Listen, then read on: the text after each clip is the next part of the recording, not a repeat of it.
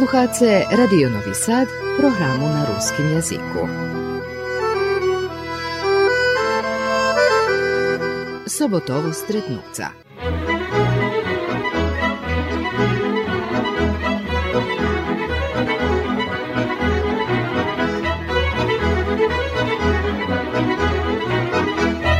Počitovaní slucháče, u dneškajšej emisii emitujeme druhú časť rozvárky so skeresturským parochom. Pan otec Vladislav Varga. Zo skerestura do kocura? A hej, vecka tak 86. rok už e, tako jakož prišlo, že u kocure tam už bol starý kapelan, mudri Kiril, jakož trebalo už, on už u penziji, 40 roky bol pan otec i trebalo košik tam i jakož nie znam jak to na mne vyšlo.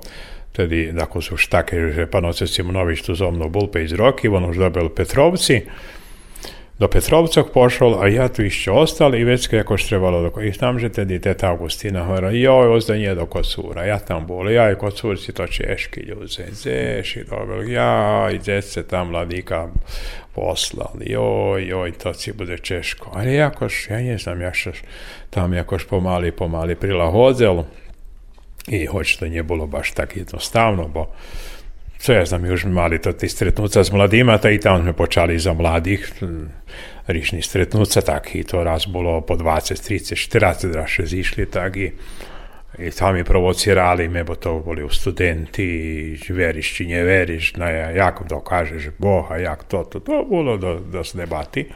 No i već jedan mar prešitski mači. Pravda, že vi poslani tu skerestura da prebracice nas na šitski na novi kalendar. To vše kocur mal to, to problem iše za panovca kiša, znamo, že panovca z kiši isto cel premenic kalendar, tam u kocurci porozpivali oblaki, i tedy kad u keresture še menjalo. I ako štedi pa boli zdeknuti, ali ako še prišli do tih slova, nie, reko, hoć vi šitski zosteci, ja še, ja nie dam kocur, zato že već ne možem do mojih već me ochabeli. Bolo to také podzelenie, že mladí za mladého panovca, starí pristávajú ku, ku kucharovi, već skoro nastalo také odborci hvare, vidíme, že valal podzelení, mladí šitski zavaz idu, a ostali napraviti takú revoluciju. Nie, reko, normalno, že mladý panovcec má pristup ku mladým a vy starší ku staršomu i tak. Jedino bol problem toto, že kuchar, jak i druhý panocové nie, nie došli pozovali da še po rusky čita Evangeliju i apostoli, to mne zavadzalo, ako sme to probovali, ali nie do kraja nie, nie dac, až keď pan otec Julin prišol, kasnejší, keď umar kuchar, on še trimal toho, keď vladika njema, da nije da došli po zemlje, nije može, a mi to tak potajnije, jak ima kaj su tu robili všetko i službu, po, po ruski počal potajnije, tak uvozal i, i kirba i menjal, znamo, že on to na, na njezelju da voze, da može šitski priz i tak dalje. Tak, po partizanski, dakle. Takže već posle až mi počali po ruski, i, ali je boli vam jedan krasni period, na isce mali stretnuca i za zeci, bar zveljo hozeli zeci do osme klasi, posle za studentov, za školjarov, srednjih školi, za familiji mladi sme mali stretnuca, sa starših posle već urnji i tako je nastala i ta ideja napraviti jedan dom za, tak povez, njove prebuvanje za starših, co i teraz to postoja tam. Te ľudia tak prídu k ktorí sú opuštení sami, alebo sme ich pozberali, tak nastala ideja Caritaso, kasnije napravili to dom centar Caritasu kod cure i nejste velja mi ostalo tak. Bez hľadu, že koncert mal, mal to ti e, podzeljenja e, matka Sojus, hej. že to coška také tam bola jakož. Ale ako sme tam, ja nemal problémy s jedným ani s druhým i dom, že uh, dom, že časom sme sotruzovali s jedným s druhýma i već kad znam, že tam poznati naš Sabodajko, bači Sabodajko, či Vlado, kotri, on bol veľký matka, že ja vecej bolo sojuzaž i tak dalje, ali on racoval, treba nam i sojuz i matku. Sojuz to nam otvera sotrudnjstvo za sveljima žemami na Ukrajini i to nam treba, a i matku nam treba, že bismo toto svojenje zaboli ruske, ruske, ruske i tak dalje. Takže bar mudro odvitovali. Mi še dvome bars počitovali i znalo on, že ja inčak domam, jak on, ali sme nikda njema izo s uh, profesorom, teraz už predsjedateljom matki Mihajlom uh, Fejsom, isto on mal jednu opciju, ja mal drugu, ali mi nikda nije mali neki konflikti evo, do cerkvi chodzil, i teraz chodzi, bol odbore isto i my še celkom skladali. Ja varím, že škoda, že my tak keď sme predáco še podelíme, že še odsudzíme jedni od druhých. Ja varím, e, najmáme veci obcí, hej, hej, to nám bohatstvo. Hej, to je jedno bohatstvo, ktoré pomáha da patriš tako širše, tako ideo, tako zušće, da ne zabudeš to to našo, lokalne, a zašto máš jedno otvorené, že my nijedem tu jedna mala, mala hrstočka čoši, gdje sme čas jednoho širokoho, da povieme, narodu, ktorý žije od Ukrajiny, Poljskej, Slovackej, Mađarskej, to je jedna, jedna širok pa do Amerike, da ne poviem, hej. Nažalj, dolja nas tak rozbila, jak vari sme še odsudzeli od svojho už tu keľo roky, skoro 300 roky, normalno, že za to čas sme i, i da so straceli i svidomos, ali sme, slava Bohu, i da so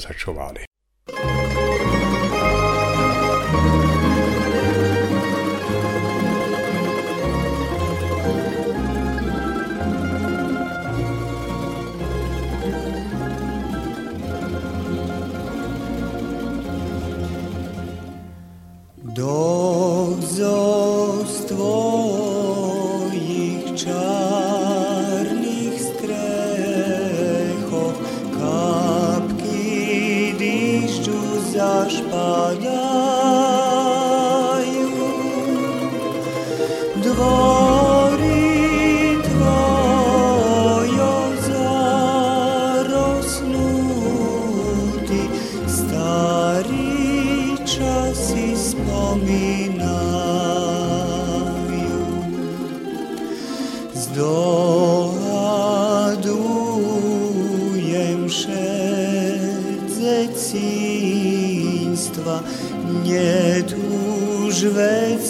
Času toho,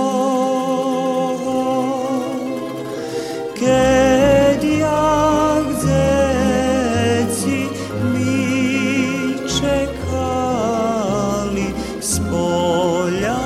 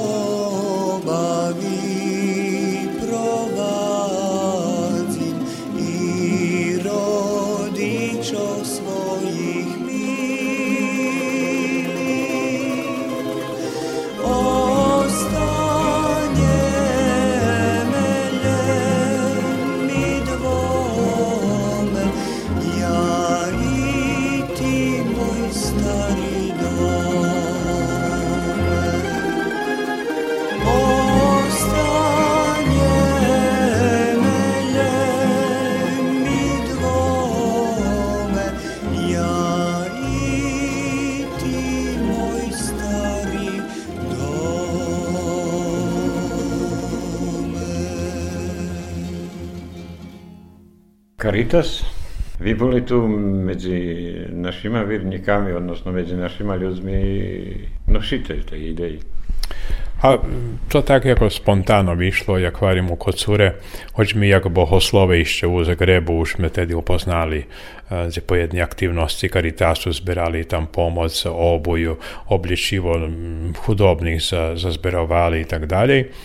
I mi už mali to tu ideju, že cerkva treba da žije, e, da žije nje zavartalje spram ti, kotri su socijalni slučaji, kotri su hudobni, bidni, že Jakieś uswale, hej, to to ostatnie, co nas bude jednoho dnia súdziť, bol som hladný, smijadný, chorý na puščeniu, areštu, a vybeženie cudzinec, mnešia, poši mne nie, že nedozliem sama molitva. Treba byť aktívny pomoci tým druhým. I my tu ešte, jak bohoslove, už tu počali u Keresture, mať jedno, jeden krúžok molitvený krúžok, co vecejšie pošvecené molitvy, i jeden krúžok karitasu, co sme probovali mladých u tým Nikdaj nie zabudzam, hm, da je mladi, kot je teraz na visokih eh, mestoh i funkcijah u našim, našim nacionalnim eh, našoj zajednici, ja nikdaj ne zabudzam, kad smo jednim ljudom hudobnim pošli olupac čarda kukurici eh, za svojima rukami. Hej, to bilo vari do žice i nješka to pametam, hej, probovali smo tim hudobnim i tak sam već kad kasnije išao u tim duhu E, čistý hristijanski duh, bez čoho ne možemo biti kristijani, keď ne žiješ to duh. I kasnije sme, u, eto, už keď nastali to ti časi embarga, keď nam počali drugi pomahati zvonka, već sme osjetili, že i mi musíme biti to ti, kotri domáme na svojih bližnjih. Takže sme po, počali Okrem centru, co sme zbudovali u Kocuri, kasnije u Keresture, co nam italijanje velje pomoli, da ovdje máme strukturu, i kasnejšie, že by sme to duch preširiovali, takže tako som akož vladika me spontano Slavomiri imenoval za direktora Caritasa 94. roku a već kasnejšie som i e, akož tak, keď som už poslal pároch, vladika Fari nemôže byť teraz i direktor Caritasu i párohu kod cure, već me akož keď prišiel vladíka Đuđar, Hočevar, Stanislav Hočevar u Beogradu myslel za nacionalnog direktora ešte horšie dom. Hej. Njenjem sana sa. I već to bilo dosta také nacelovanje i vladíka baš nie, potom treba pojsť do Beogradu. No ali već to otvorila, otvorila še draha za našu parohiju u Beogradu. Takže praktično 2034. roku pomali ja už poznal Beograd. Tedy vladika hovorí, dobre, počni zberať ľuďoch a vecka možeš biti direktor Caritasu nacionalnog, ali da si prvenstveno bude parohija u Beogradu. A išće bo sam u, u Kocure, s Kocura sam kozao. Da smo konjično tam 2008 roku nje preseljali do Beogradu, gdje smo praktično žili tam 5 roki skoro u Beogradu sa supruhu moju, ona tam robila u jednim crkovnej e, zecinske zahradki, to baš tam gdje mi bivali a, ja bol i u cerkvi, i u Caritasu, i kasnejšie, jak še pán Rovan mis pochorel, teraz vecka vec on volal pomoc, takže my već posle toho presedjeli do, do Novosadu i tam praktično i dalje Beograd trimali i Caritas i dalje i še i nacionalni i to naš. Ne isto to boli veľa krásny čas i stretanje s humanitarnima, um, da poviem, organizacijami drugih cerkoh. Znači, pravoslavna cerkva má svoje čovekoljubje. Vecka benevolencija to židovska organizacija, vecka merhame to muslimanska organizacija, všetky protestantski eho i to ti, hej. Takže sme veľa to typo upoznavali, videli sme všetky, my máme isté toto jedno, jak, jak papa hovoril u tej encykliki Deus Caritas, je Boh je ľubov, papa, papa Benedikt XVI, že každý človek je stvorený od Boha i má toto DNK ľubovi ku bližňomu. Každý človek, hej, i zivi. Hej, tak nie jem všetky religii, víry. Takže sme videli, i raz sme to u tých seminároch obrabjali, co nám zajednícke, i muslimánom, i jevrejom, i protestantom, i pravoslavnom, všetky máme my toto zajednícke odnošenie ku bližňomu. Hej. Takže u tým, u tým duchu, eto i dalej próbujemy rozwijać to, to teraz nasze prišli takí čerky časy, že za Ukrajiny vojna, takže sme tu veľa, my môžeme povedať, perši prošali akciju, skôr jak, jak Subotica, jak Caritas u Beogradu, mi s Vladikom še dohvarjali, perši sme rušeli i nazbierali sme već 4 tisíci evri po našich parochijoch, co nie bolo baš tak ľahko. i perši sme pomoc poslali.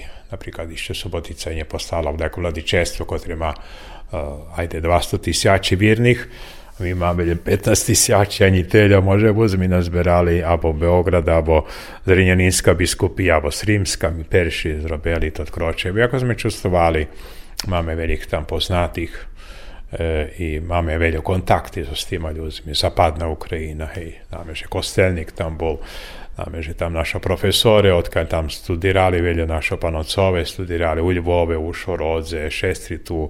Akože nám to také prírodné bolo, že by sme še odvolali. Oni nám tu najbližšie, nie? A tak všelijak, že povíri sme, hej, nám tam centrála, nie? A tak povieme, hej, kde náš kostelník bol, tam bol.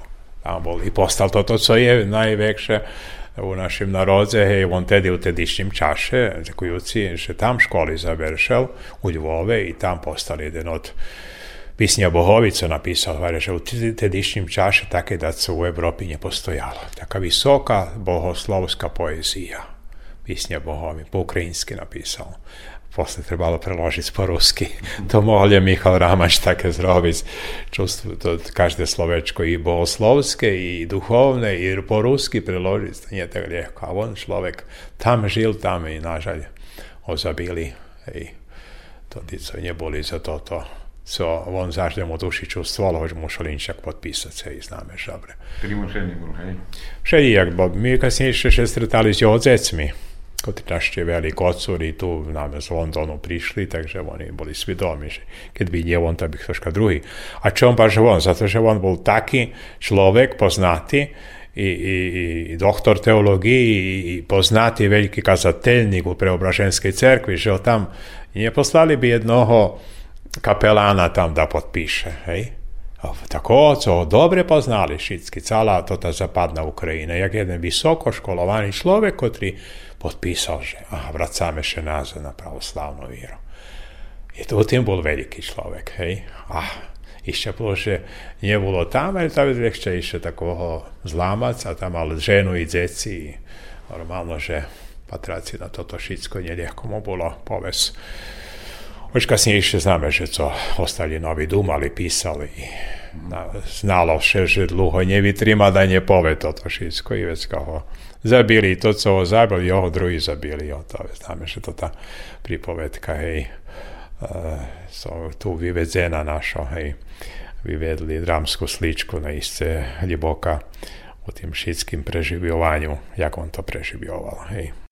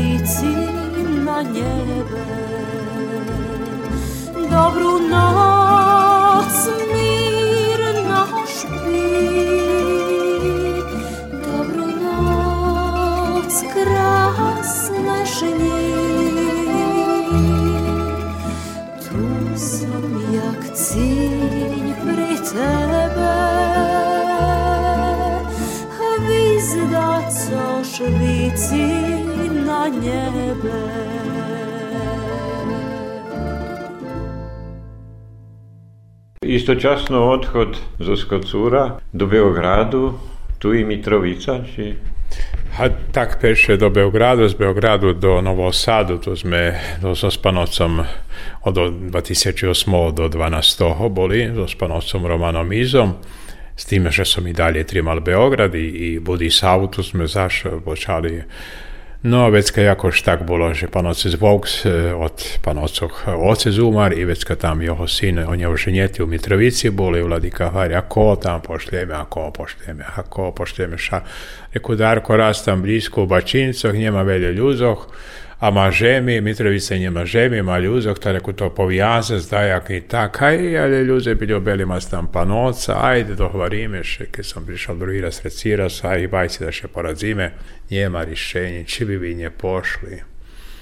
A jakož ja vše bol tam, že vladiko doma, že treba, no, je tak lehko doma u familiji bolo, bo Pani matka z Novog Sada už tam privik, privikla da všetkých poznania, to bolo češko to prehodalje i Fruška hora i toto še žime i šnih i toto všetko tam ispod tej Fruškej hory, ali već kad jakož je to prilapalo pomali i tam sme to 9 roky. A všetko bolo tam, da poviem všetko z počátku, ja nepoznal tam nikoho, ľudzoch. Ukrajincu som ze pojedných poznal, bo Ľachovičovo studirali u Ríme jeden i dvome s nami, tam i poznali še s njima i tak to tu grupu. Ali na mojih Rusinov, bo ja hovorim, tam je Rusini i Rusnaci. Mm -hmm. Rusnaci to to ti naš Oracovo, Bučkovo, znači to ti našo prezviska a Rusini to ci Cingel, Cundra, dobre Štefanski, Stracenski pomož Bože ešte, ako znáš, to teška by slavianske bole, Cingel, Cundra, Bože, taký prezviska.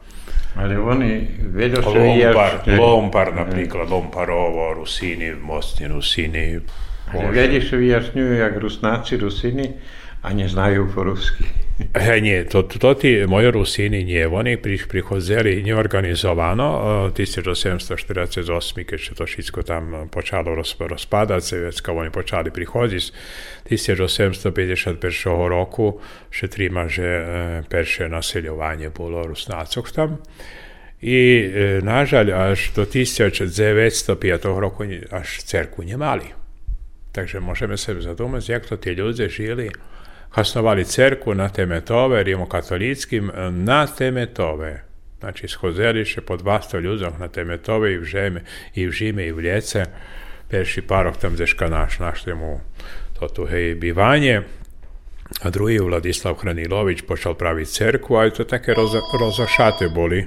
U Beogradu ste žili, a do Mitrovice ste išli, či u Novým Sadze? Nie, nie, u, u Beogradu sme žili. 5 roky, već kad sme ohabe, ohabeli Beograd i prišli sme do Novog Sadu žic, a do Beograda sme idem odchodzeli služic i, i robil som i dalje jak u Caritasu, znači 2-3 dní som tam bol, se vracal, v nedjelju som vše bol tu, a već Mitrovica to već už bolo také, že už preseljovanje 2012 roku sme celkom iseljeli, a Beograd i Caritas mi dalje ostal be u Beogradu, hej. Takže dalje to bolo také nasahovanje, behaj ta, tazi, behaj tamalj, ali je tu zeci u Novom Sadu i tak dalje, oci u Keresture, mac, pani Matkova u Novom Sadu i zeci, u Beogradu parohija i robota u Karitasu, u Mitrovici zaštrebalo šitsko robizno malo od krova, kotri premakal, i to trebalo celu, celu cerkvu trebalo, čurelo do cerkvi, trebalo robiti na isce i tam veljo porobene, predtim pa nas zrežak da su porobili napravili taki dom, e, salu jednu krasnu, poslije to Zinovi Vog napravili, ob, obnovili keljoteljo PVC stolariju centralne, no teraz pa nas je zbog co pošao teraz parohija, koja vlažna, nje sa zeci, teraz obnavja, takže tam ľudia jediné bohatstvo, tam nič žemi, nikde nemala cerkva, cerkva žemi, ľudia so dali, so pomohli, to je to všetko, hej. Ale naiste boli složni i môžem povedať, že ľudia štíri, srdečni, chodze so z okolini, tam na, napríklad u Lačarku, to neki 7-8 km, oni každej nedelji prihode do cerkvi, 50-60 familiji tam naših jes, na Ukrajinci, je to 10 familiji ruski, a već Rusnaci proseljovani po cale okoljini i potraceni velji u Ležimiru, Rusini už postali ležimirski Rusi, pravoslavci. To ti isti prezviskac u Mitrovici, Rusnaci je rekao katoliki, tam su ležimirski Rusi, bohat Rusi, Ruski, ta postali, eto, to také nažalje. A ostala vam u pametanju to ta Mitrovica, pogotovo za to ti veliki šveta. Hej, a ostala mi, bo jakož tam sme še zbliželi, ja hovorím, god som menjal parochiju, Nigde me so s takú žalosťou, alebo da poviem, so slizami nevyprovadzali, jak Mitrovčanie. Hej. No i mne boli akož naj, naj, najčešće na Puščic. Že tam je akož cerkva u dvore, parohijalnim dvori, to tako i sala i parohija šitsko u jednim dvore. I mi to sa cerkvi više, tako i kafa, paljenka, ka, e, druženje u sali. I mi tam jedna familija postali. Hej. I tak sme še zbliželi, že na iscedu jakož bolo mi češko, evo jedan oficir u penziji, mladi Ukrajinec, taki vše oštri, chcel mi pridať tam coška podarunok, ta do poli došao, već kad mu u hare, nije mogla, ja rekao, dobre, ajde, Fećko, ajde, skrat, skrat, skrati, skrati, rekao, ja on se do kraja već taka Rusinka naša Vančikova, oštra, vše, za šiskimaljem vazizi, oštra, taka, počala čitati, že mi starije sestre se opraštamo i to je počalo, dobro, Vera, ajde, dobro, skrati, ok, nema, rekao sad, a, to tak je bilo, jakož, no, a, plačom. hej, da, naiste tak je bilo i ljudi tak šoro čekali, že bi pridali podarunki, to tak bilo slučajno, bo to bilo bar znahlo, že, že ja prijal Kerestur to bolo cala pripovedka i već kapanoce Drežak me zamenjal tam i ostao povežena njezelju bude otpitovanje. To nije bila znači naš, naši Rusnaci žiju tam on, i Ukrajinci u dešec okolnih mestoh. Takže oni nije veli dneška išće nje že ja preseljal. Takže tu nije baš veljo kedit, že bi oni še porihtali, doma že to nič ne že še tak čau čau, jak varita, nije oni še tak porihtali, že... Že to také bolo odpitovanie. No aj toto, co mne tam ostalo, toto je taký ešte starý obyčaj, že čas ráno na že voskresná utrinja, špíva, že tam stráža pri Hristovým hrobe, omladina šicka, co treba strážu so skopľom, zmenjujúše rozvodných stráží, ide tam, vrácaše ozbiljno i to ti všetky omladinci še spovedajú. To, to tradícia u nás mladí še už nespovedajú, hej. Tam všetky še spovedajú. A ľudia idú ku hrobu Hristovomu, aj do plaščanici, všetky na koljena. Z počátku cerkvi, všetky šorom, šorom. I vome nie, treba, nie ľahko vytrímať na koljenoch celú tú cerkvu. To si dlhá prejsť už hore i deci, mladí, starší, babi, kutri ledvo, ledvo choda, ona še cáha na koljenoch i to také, také preživuje človek toto, že, že jak ľudia tak hliboko počitujú toto, toto všetko i jakož ostalo to ti obyčaji. Ja, jak je veľké, že oni do toho trimajú, do toho hej, veria. Hej, hej. U, u druhým štredku, hej. nie so svojím národom, hej. Hej, a oni začúvali toto jakož tradíciu i to, že prenoši z kolena na kolena i to tak nemôže inšak. Ja moja pani matka hovorí, dobre, jak ja prejdem toto celú drahu na koljenoch, hej. A reko, daj, da se urucim z boku, takže že to troška ponáhľaš i tak dalje, hovorí, či vytrímam. A reku, mušiš ti, jak pani matka, mušiš dať príklad, ja, že bude, že oni stari všetky idú, i deci, i mladí, i všetko to. Ale e, to ich tríma. To im toto troška našo, svojo, co rakujú, že toto to našo. I to ich tríma. i slava Bohu, štelju roki, hej.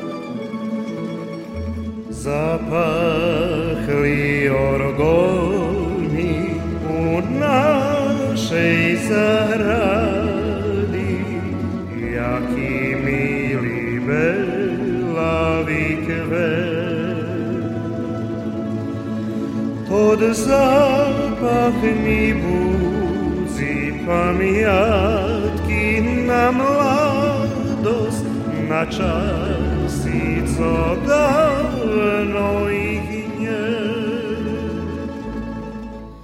Belavi orgoni, oh jak ljubim ja, orgoni u noci, jak davni sni, Zecinji s tvojim mladost mi vraca tot pah, ali se žubroni šiljem šiljem.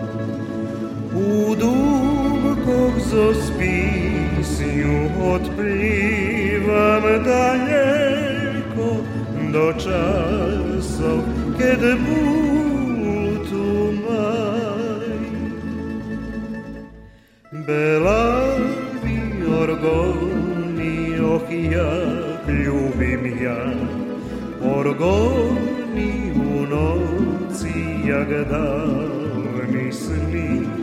Zecinji s tvojim mladost mi vraca tot pah, ali se žubroni šiljem šilj. Belavi orgoni,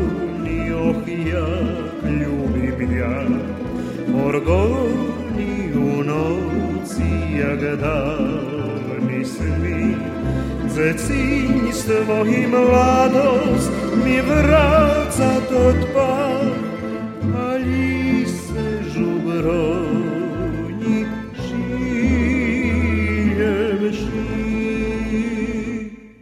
Besedujeme so spanocom Vladislavom Vargom, keresturským parochom. I Beograd jakošik je to isto nespodzivanie, že i tam še zorganizovali virníky Rusnáci, Ukrajinci. Ha, škoda tam, že Beograd jeden čas e, postojal, pa nie postojal, vecka e, máme, že preto tú vojnu Adam Hnaťu, ktorý ostatní odchádzal tam, v 90. rokoch ešte, keď toto všetko počalo, zarvala še vojna tu i tak dalej, i vtedy on už odchádzal nie do Beogradu, keď do Zemunu, i tam do jednej katolíckej cerkvi, tam tedy boli to tá radikálna struja, ktorá normálno známe, že jak patrila na menšiny, i tam šestri, ktorí tam, u ktorých on slúžil, tam zvihli kvôli do vzduchu manastirski zveri i već kad ljudi hvali nje, po povede, že sme ustaše i spanovci Adam Hnačuk še i pohoral, umar i već to jeden čas nije bilo ništa. E s vladikom našim to tak počalo žajde i tam je z naših ljudov. Tam je šestra na koncu vladikova, hej. Tam panoca uh, uh, pitki rozeni brat, Tam uh, pán Oca hýriva toho Dzívka Olejná špivačka bola poznáta ešte, všej slucháme, hej. Pán Oca Bojilu, tam Zivka ešte vše, teraz je už u Novom Sadu. Znači, tam bola jedna taka grupka mocna, aj ne povieme tých našich crkovných ľudí, ktorí boli už tak potracení. I jakož vladika govori, hajde počnite vi tamo tako schodice pre Caritas, poznace tam koji koho. I tak mi štvero pecero počali. Tam boli studenti naša, po jedni, hej, Delinskovo, braca, već kada je drugi studenti. I mi to tak počali, počali za zbirovac. I jest tam naših ljudi, hoć veljiše už od narodzeli, pomišali, um, może sú nesvidomi, ale ciekawe, že nás, napríklad Rusnáci ešte všebeštujú po rusky. Hej, toto tí, ktorí pošli tam pre robotu, alebo še odali, i to s Mikloševcog, s Petrovcog, s Vukovaru i već to tad to šitsko, tad je to, to naš kruh, Kocur, Kerestur, Zorahova sme mali za pojedne, Đurđova isto, hej. Takže bola to ta i to ta druga grupa ukrajinska, kotra išće svi doma svojoho, mlađi už ne znaju po ukrajinske, ali to ti starši išće znali. I već teraz počali pris, priseljovati veli. Tam za robotu iz Ukrajine popriseljovali mladih familiji s decmi i bolo bar ciekawe, že mi tam mali ajde naj tak povieme, raz bol kanadský ambasador, hej, ktorý Ukrajinec, svidomý, hristijan i on mi špíval celú službu. I on, i žena, i troje djeci i zvončak mi bulinčaki. ja však bi placal sebe drahu. Keď druhý rok prejde toto, že, že počala jedna familija, on Rusin z Pittsburghu, ona, ona rimokatolkinja, troje djeci, on Rusin, a ne zna po rusinski, po engleski, a tako po srpski, a mi bi steli do naše rusinske cerkve pris. I to veľká pomoc bola. Z druhého boku zaž bola Ukrajinka zo amerikanskej ambasády, ktorá mala uh, muža Horváta, ale ona stala do našej cerkvy. A zaž prišla s dvojima deťmi. To také bolo na istom také uh, krásne društvo i naša tam to všetko školovanie ľudí, to uh, parasti, da poviem, z osnovnú školu, takže všetko to na jednom takým urovňu i iste ľudia, ktorí znaju svojo, dakle si prešlozi svoju tradiciju, išće bešeduju i na isto to treba normalno uklopiti špivanje, već to ti veci Ukrajinci, oni imaju već to halicki napiv, a Rusnaci normalno keresturci po keresturskim, kocurci po kocurskim. I to teraz také treba špivanje, jak Ahneta, koja završila muzičnu akademiju, kad raz čula, jak šestri špivaju. A jakže to oni špivaju? Oni, to inšak mi špivame, hej. A ona naučila toto išće na široko i na dlugoko. Budim ja, i nikad kraja. Hej. A reko, oni to tak šviče, dako su oni halicki šestri, oni inčak dako špivaju. A jakže to tak, mi to tak ne špivamo. No neku vi každi rast u cerkvi, ta vybudzať sa vody špívania, ja baš nesigurno. No i vezme, ako što naše také jakéž uh, zajednické špívanie, co všetkým odvituje, tak jak sme mohli, jak znali studenti naša tam veľa prichodzeli, teraz ešte chodza i nechce. Treba Beograd zatrimac. To vecka tam normálno, keď sme mali Kirbaj, to bar ciekawe bolo, že tam prichodzeli najvyšší predstavníky katolíckej cerkvi, pravoslavnej cerkvi, protestantských cerkvov, ministerstva výroch, vše prichodzeli, znači minister minister Milan Radulović, kad bol na, na našej jednej službi i kad on stupal pred celú cerkvu, kad nas bolo veljo i tam bol ambasador Ukrajini, bol ambasador Vatikanu i hočevar nadbiskup i naš vladika i hosci i hori, kad on vari vi, reko katoliki, vi njemaci, co še hajbi svoje prešlosti, vi tradicionalna cerkva, vi zrobili jedinstvo zapada i vostoku, a drugi na i to robija. Ja posle toho pošao, on mi obecal, že mi dva ikoni podaruje, to je, bo sme mali dva ikoni. I pošao sam, jo, sekretarka Elizabeta Kitanović bula, rekao je Elizabeta, on se šajal tak, da pohvalil, tak nas potrimal, že mi tradicionalna cerkva, že mi zrobili jedinstvo ostaka i zapada. Nije on tak duma, on profesor na fakultetu pravoslavnim bol i bol minister Viroh. I to nám vecka dalo toto, náš, eh, troška sme, coška sme, sme že to tí kirbaj, vše sme tak ekumensky preslavovali, vše sme mali predstavníky všetkých cerkov i zajednícov i tak dalej, takže sme Baš je Kiril Metodij sobota. Kiril Metodija cerkva, koja išće bola nepodzeljena, nje bola cerkva mezi Vostokom i Zapadom, nje boli protestantska cerkva, nje to išće zajednicki sjati, u kotri sme šešicki nahodzeli i vam že to še bolo, tu sme probovali hor, raz Jurdiova bol hor, raz bol z Kerestura bol hor, već kad sme mali posle toho, posle službe, neke druženje tam, neke društvo, idom, že šitski ruski društvo prešli od Kerestura do Rahova, kotri nastupali aži s Petrovcom i Kloševcog tam prihodzeli, posle službe sme mali také, jak svojo prezentaciju svoje kulturi, tradiciji i to naiste jedno bohatstvo. A problem je u tim, že sme nemali nigde svoju cerkvu, hej, še sme še odlukali od svoje, co sme takedy mali, nažalje prešla do, do drugih rukoh, še tak, zato to sme dobili tam bivanje, ali je cerkvu idem na hasnovanje, već kad sme išli do druge cerkvi, tam do Višegradske, iz Višegradske do Trecej, takže nam toto chybi, toto jedno mesto, gdje še možu druže, dru, ľudze posle službi, toto važne za naših ľudoch, da še družíme, da pripovedame kvari po svojim. Penzioner se už Ha, hej, już. Pensjoner. No, hej, hej, już. Ta, jak pensjoner nasa do rodzonego walalu ha, tak, zaparocha. Tak, tak wyszło, bo jakoś tak, ja się nie ja już jak už keď som chodil ako zo penzii, var som mladíku, mne už tako daleko, to tam i trovica, ja i vas ljubim i jakož mi prirosla šercu i tak, a jako šitski moja kresture, ocestu i braca i tam Nový Sad deci, pani Matková mázi, znam, že me on raspýtal, a dze, že by ste chceli? A rieku, deška do bačke, hoď gospodinci, hoď dať sa tu také malé, už v penzii už nemôžem veľo.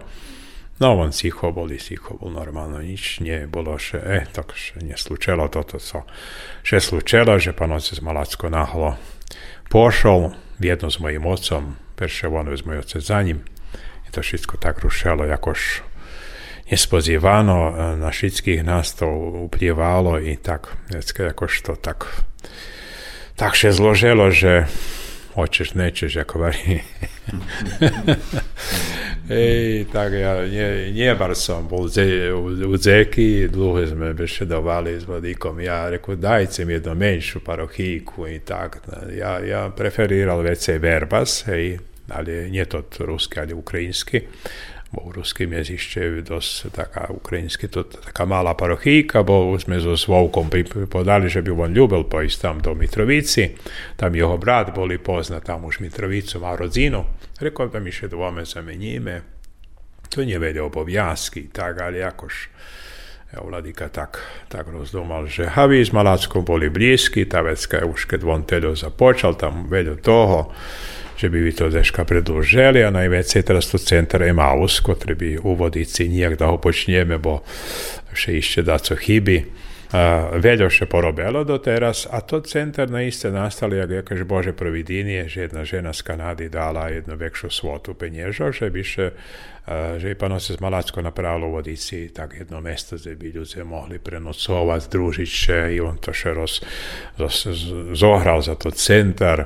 E teraz normalno to trebalo, hej, že bi še tam budovalo, všetky to šljebodzenja, projekt muši biti napisani, joj, to veľo roboti bolo, na šťastie žani tak obľova, še bar zrozumí, ona na iste prek Ministerstva kultúry, všetky to tí do šljebodzenja i vyrobila i teraz praktično ešte ostávaljem tota lokacína lokacíne do šljebodzenje i budovateljne do šljebodzenje, že bi še počalo budovať, ešte normálno to še pravila vodice tak, že struja tak bola po partizansky zrobená i voda po partizansky, to všetko treba legalizovať, i mostík pravilni spram toho projektu, co bi mal bo center, takže to išće neki časti treba dorobiti, već kad bismo trebali počati to, to, už kad Bog tak našao jednu ženu, išće je živa u Kanadi, že bi toto je i še bi i že bismo tam mogli primac ehm, na no iste vodica postava jedan centar, ja vidim kad tu prihodi ktoš kazo šveta, šiski idu ka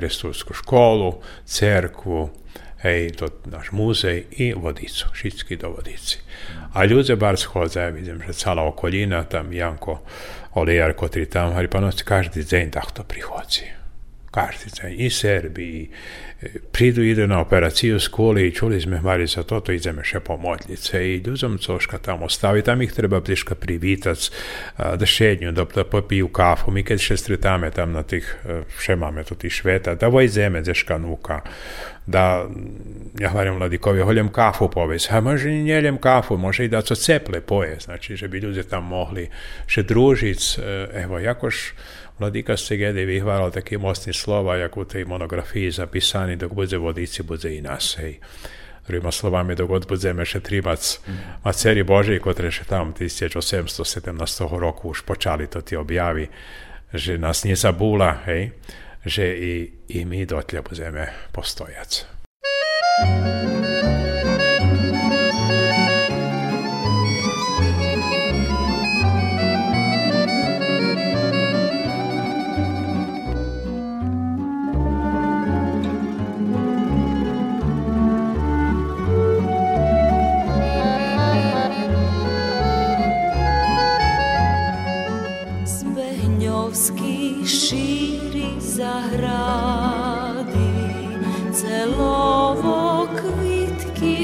Mama.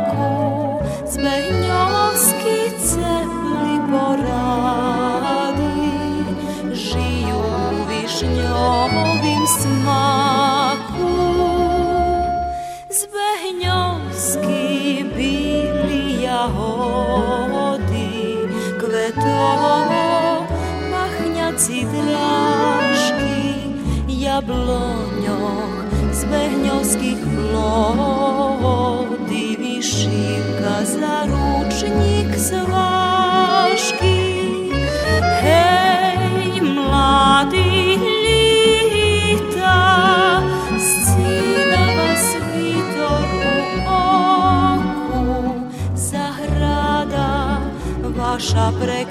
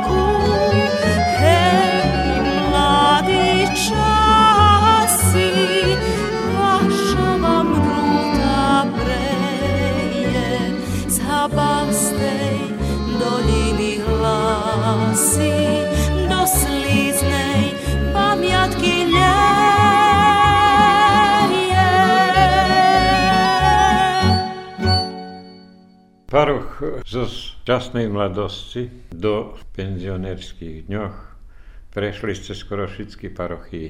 Zavárali ste jeden kruh, hej, tu vraceli ste še do Kerestúra. Kerestur še premenilo Hej. Nados. Baš je premenil, jakož ja tu keď preširas to tak po cichi prišao, že Keresturci aj neznali, že sam postal paroh. Hát a še tako je bilo žalostno, imaš ti teraz, pa nosi Janko Kološnja i vari, e, a ti to treba, ti ne znaš, te će postava paroh, treba da vladika, ci da ključi cerkvi, da to bude sja točne.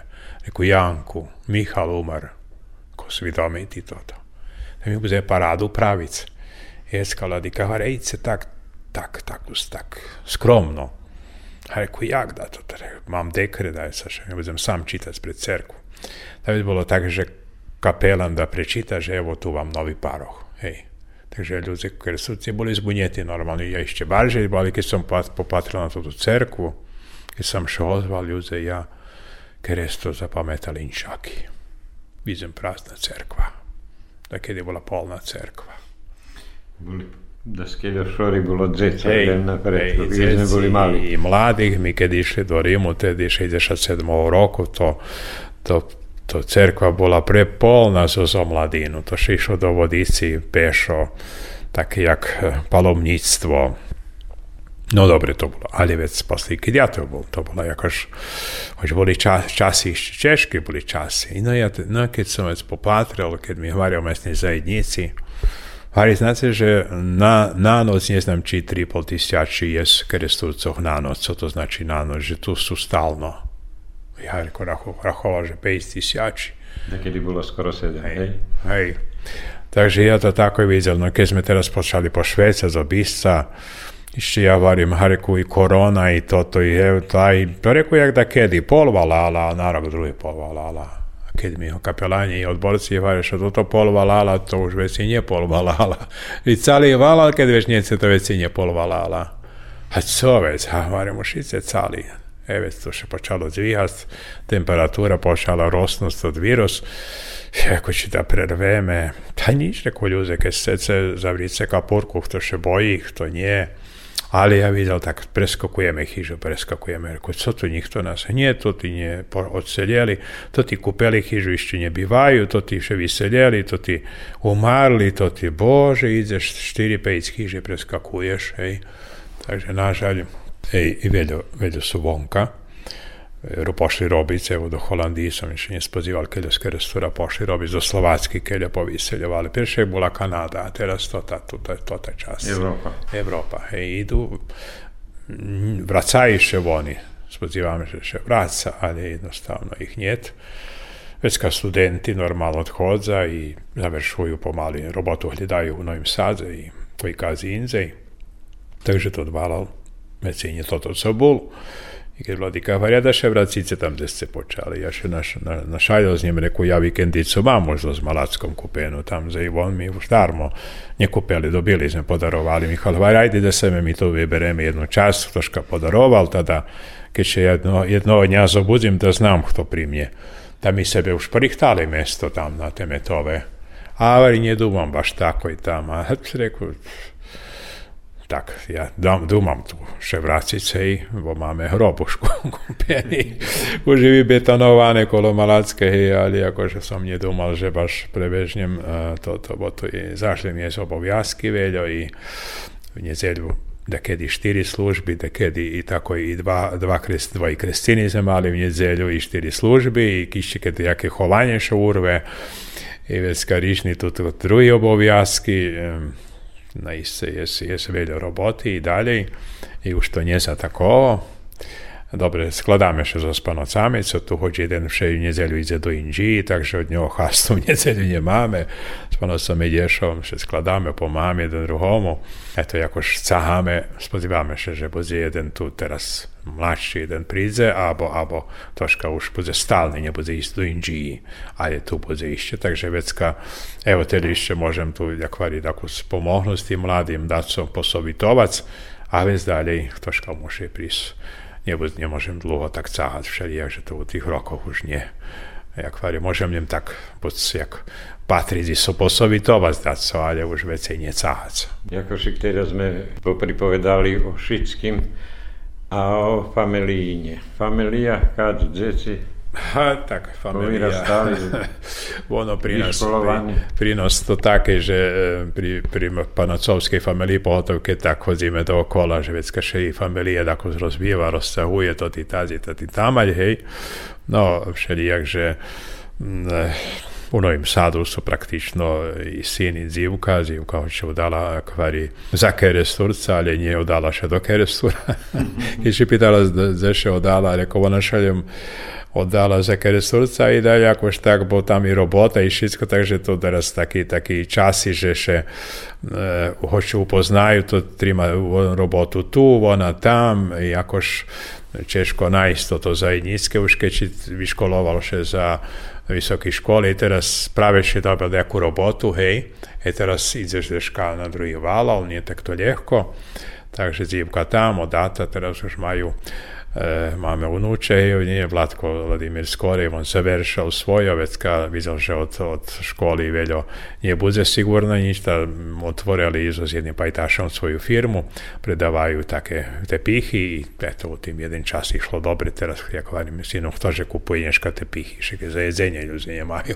A jako sahame, on ima dvoje od zeci, no treci on ostatnje ostalo, rušali jakož polcove drahi, teraz osta završi e, toto svojo planovanje školu završil, tišće ostalo še oženic i pošvedzi za panoca, co všelijak, že jedno vyvolanie postac, uh, hajde, nie każdy še tako čustvuje za panoce, ja še nie čustvoval baš, ale jakož, jakož varim, panocove kolegovec i pomohnju, takže on ešte tu ostal i to je to pani matka čuva, čuva unučku u Novom Sadu, mi tako tu, tako tam, šadi sme pokus, gdje završime vjerojatno u Novom Sadu, zohľadom, že ešte davno, keď sme še pobrali, jej otec pani matkou, jagodi rodiči vše, Saška su kupit s djecom ta pol hiži oni, pol hiži mi, ta smo jednu staru hižu kupili u Novim Sad, takže še ušli jak tam do penzije vracima, a tu, me, tu nas ljem prive, prive, privežu, jak variuš. I mnje i u, dok príde čas. u Malackovi. Ja vam bar skrašne dziękuję na poświęconym czasu. Życzę wam wiele zdrowia, Vedošťastie i vami familiji. Počitovani sluhače, sluhali ste sobotovo stretnuca Hoznambul, Keresturski paroh, panocec Vladislav Varga. Autor Janko Homa. Emisija realizowana jak niezawisna produkcja u sotrudnictwie z agencją Videopunkt z Beogradu.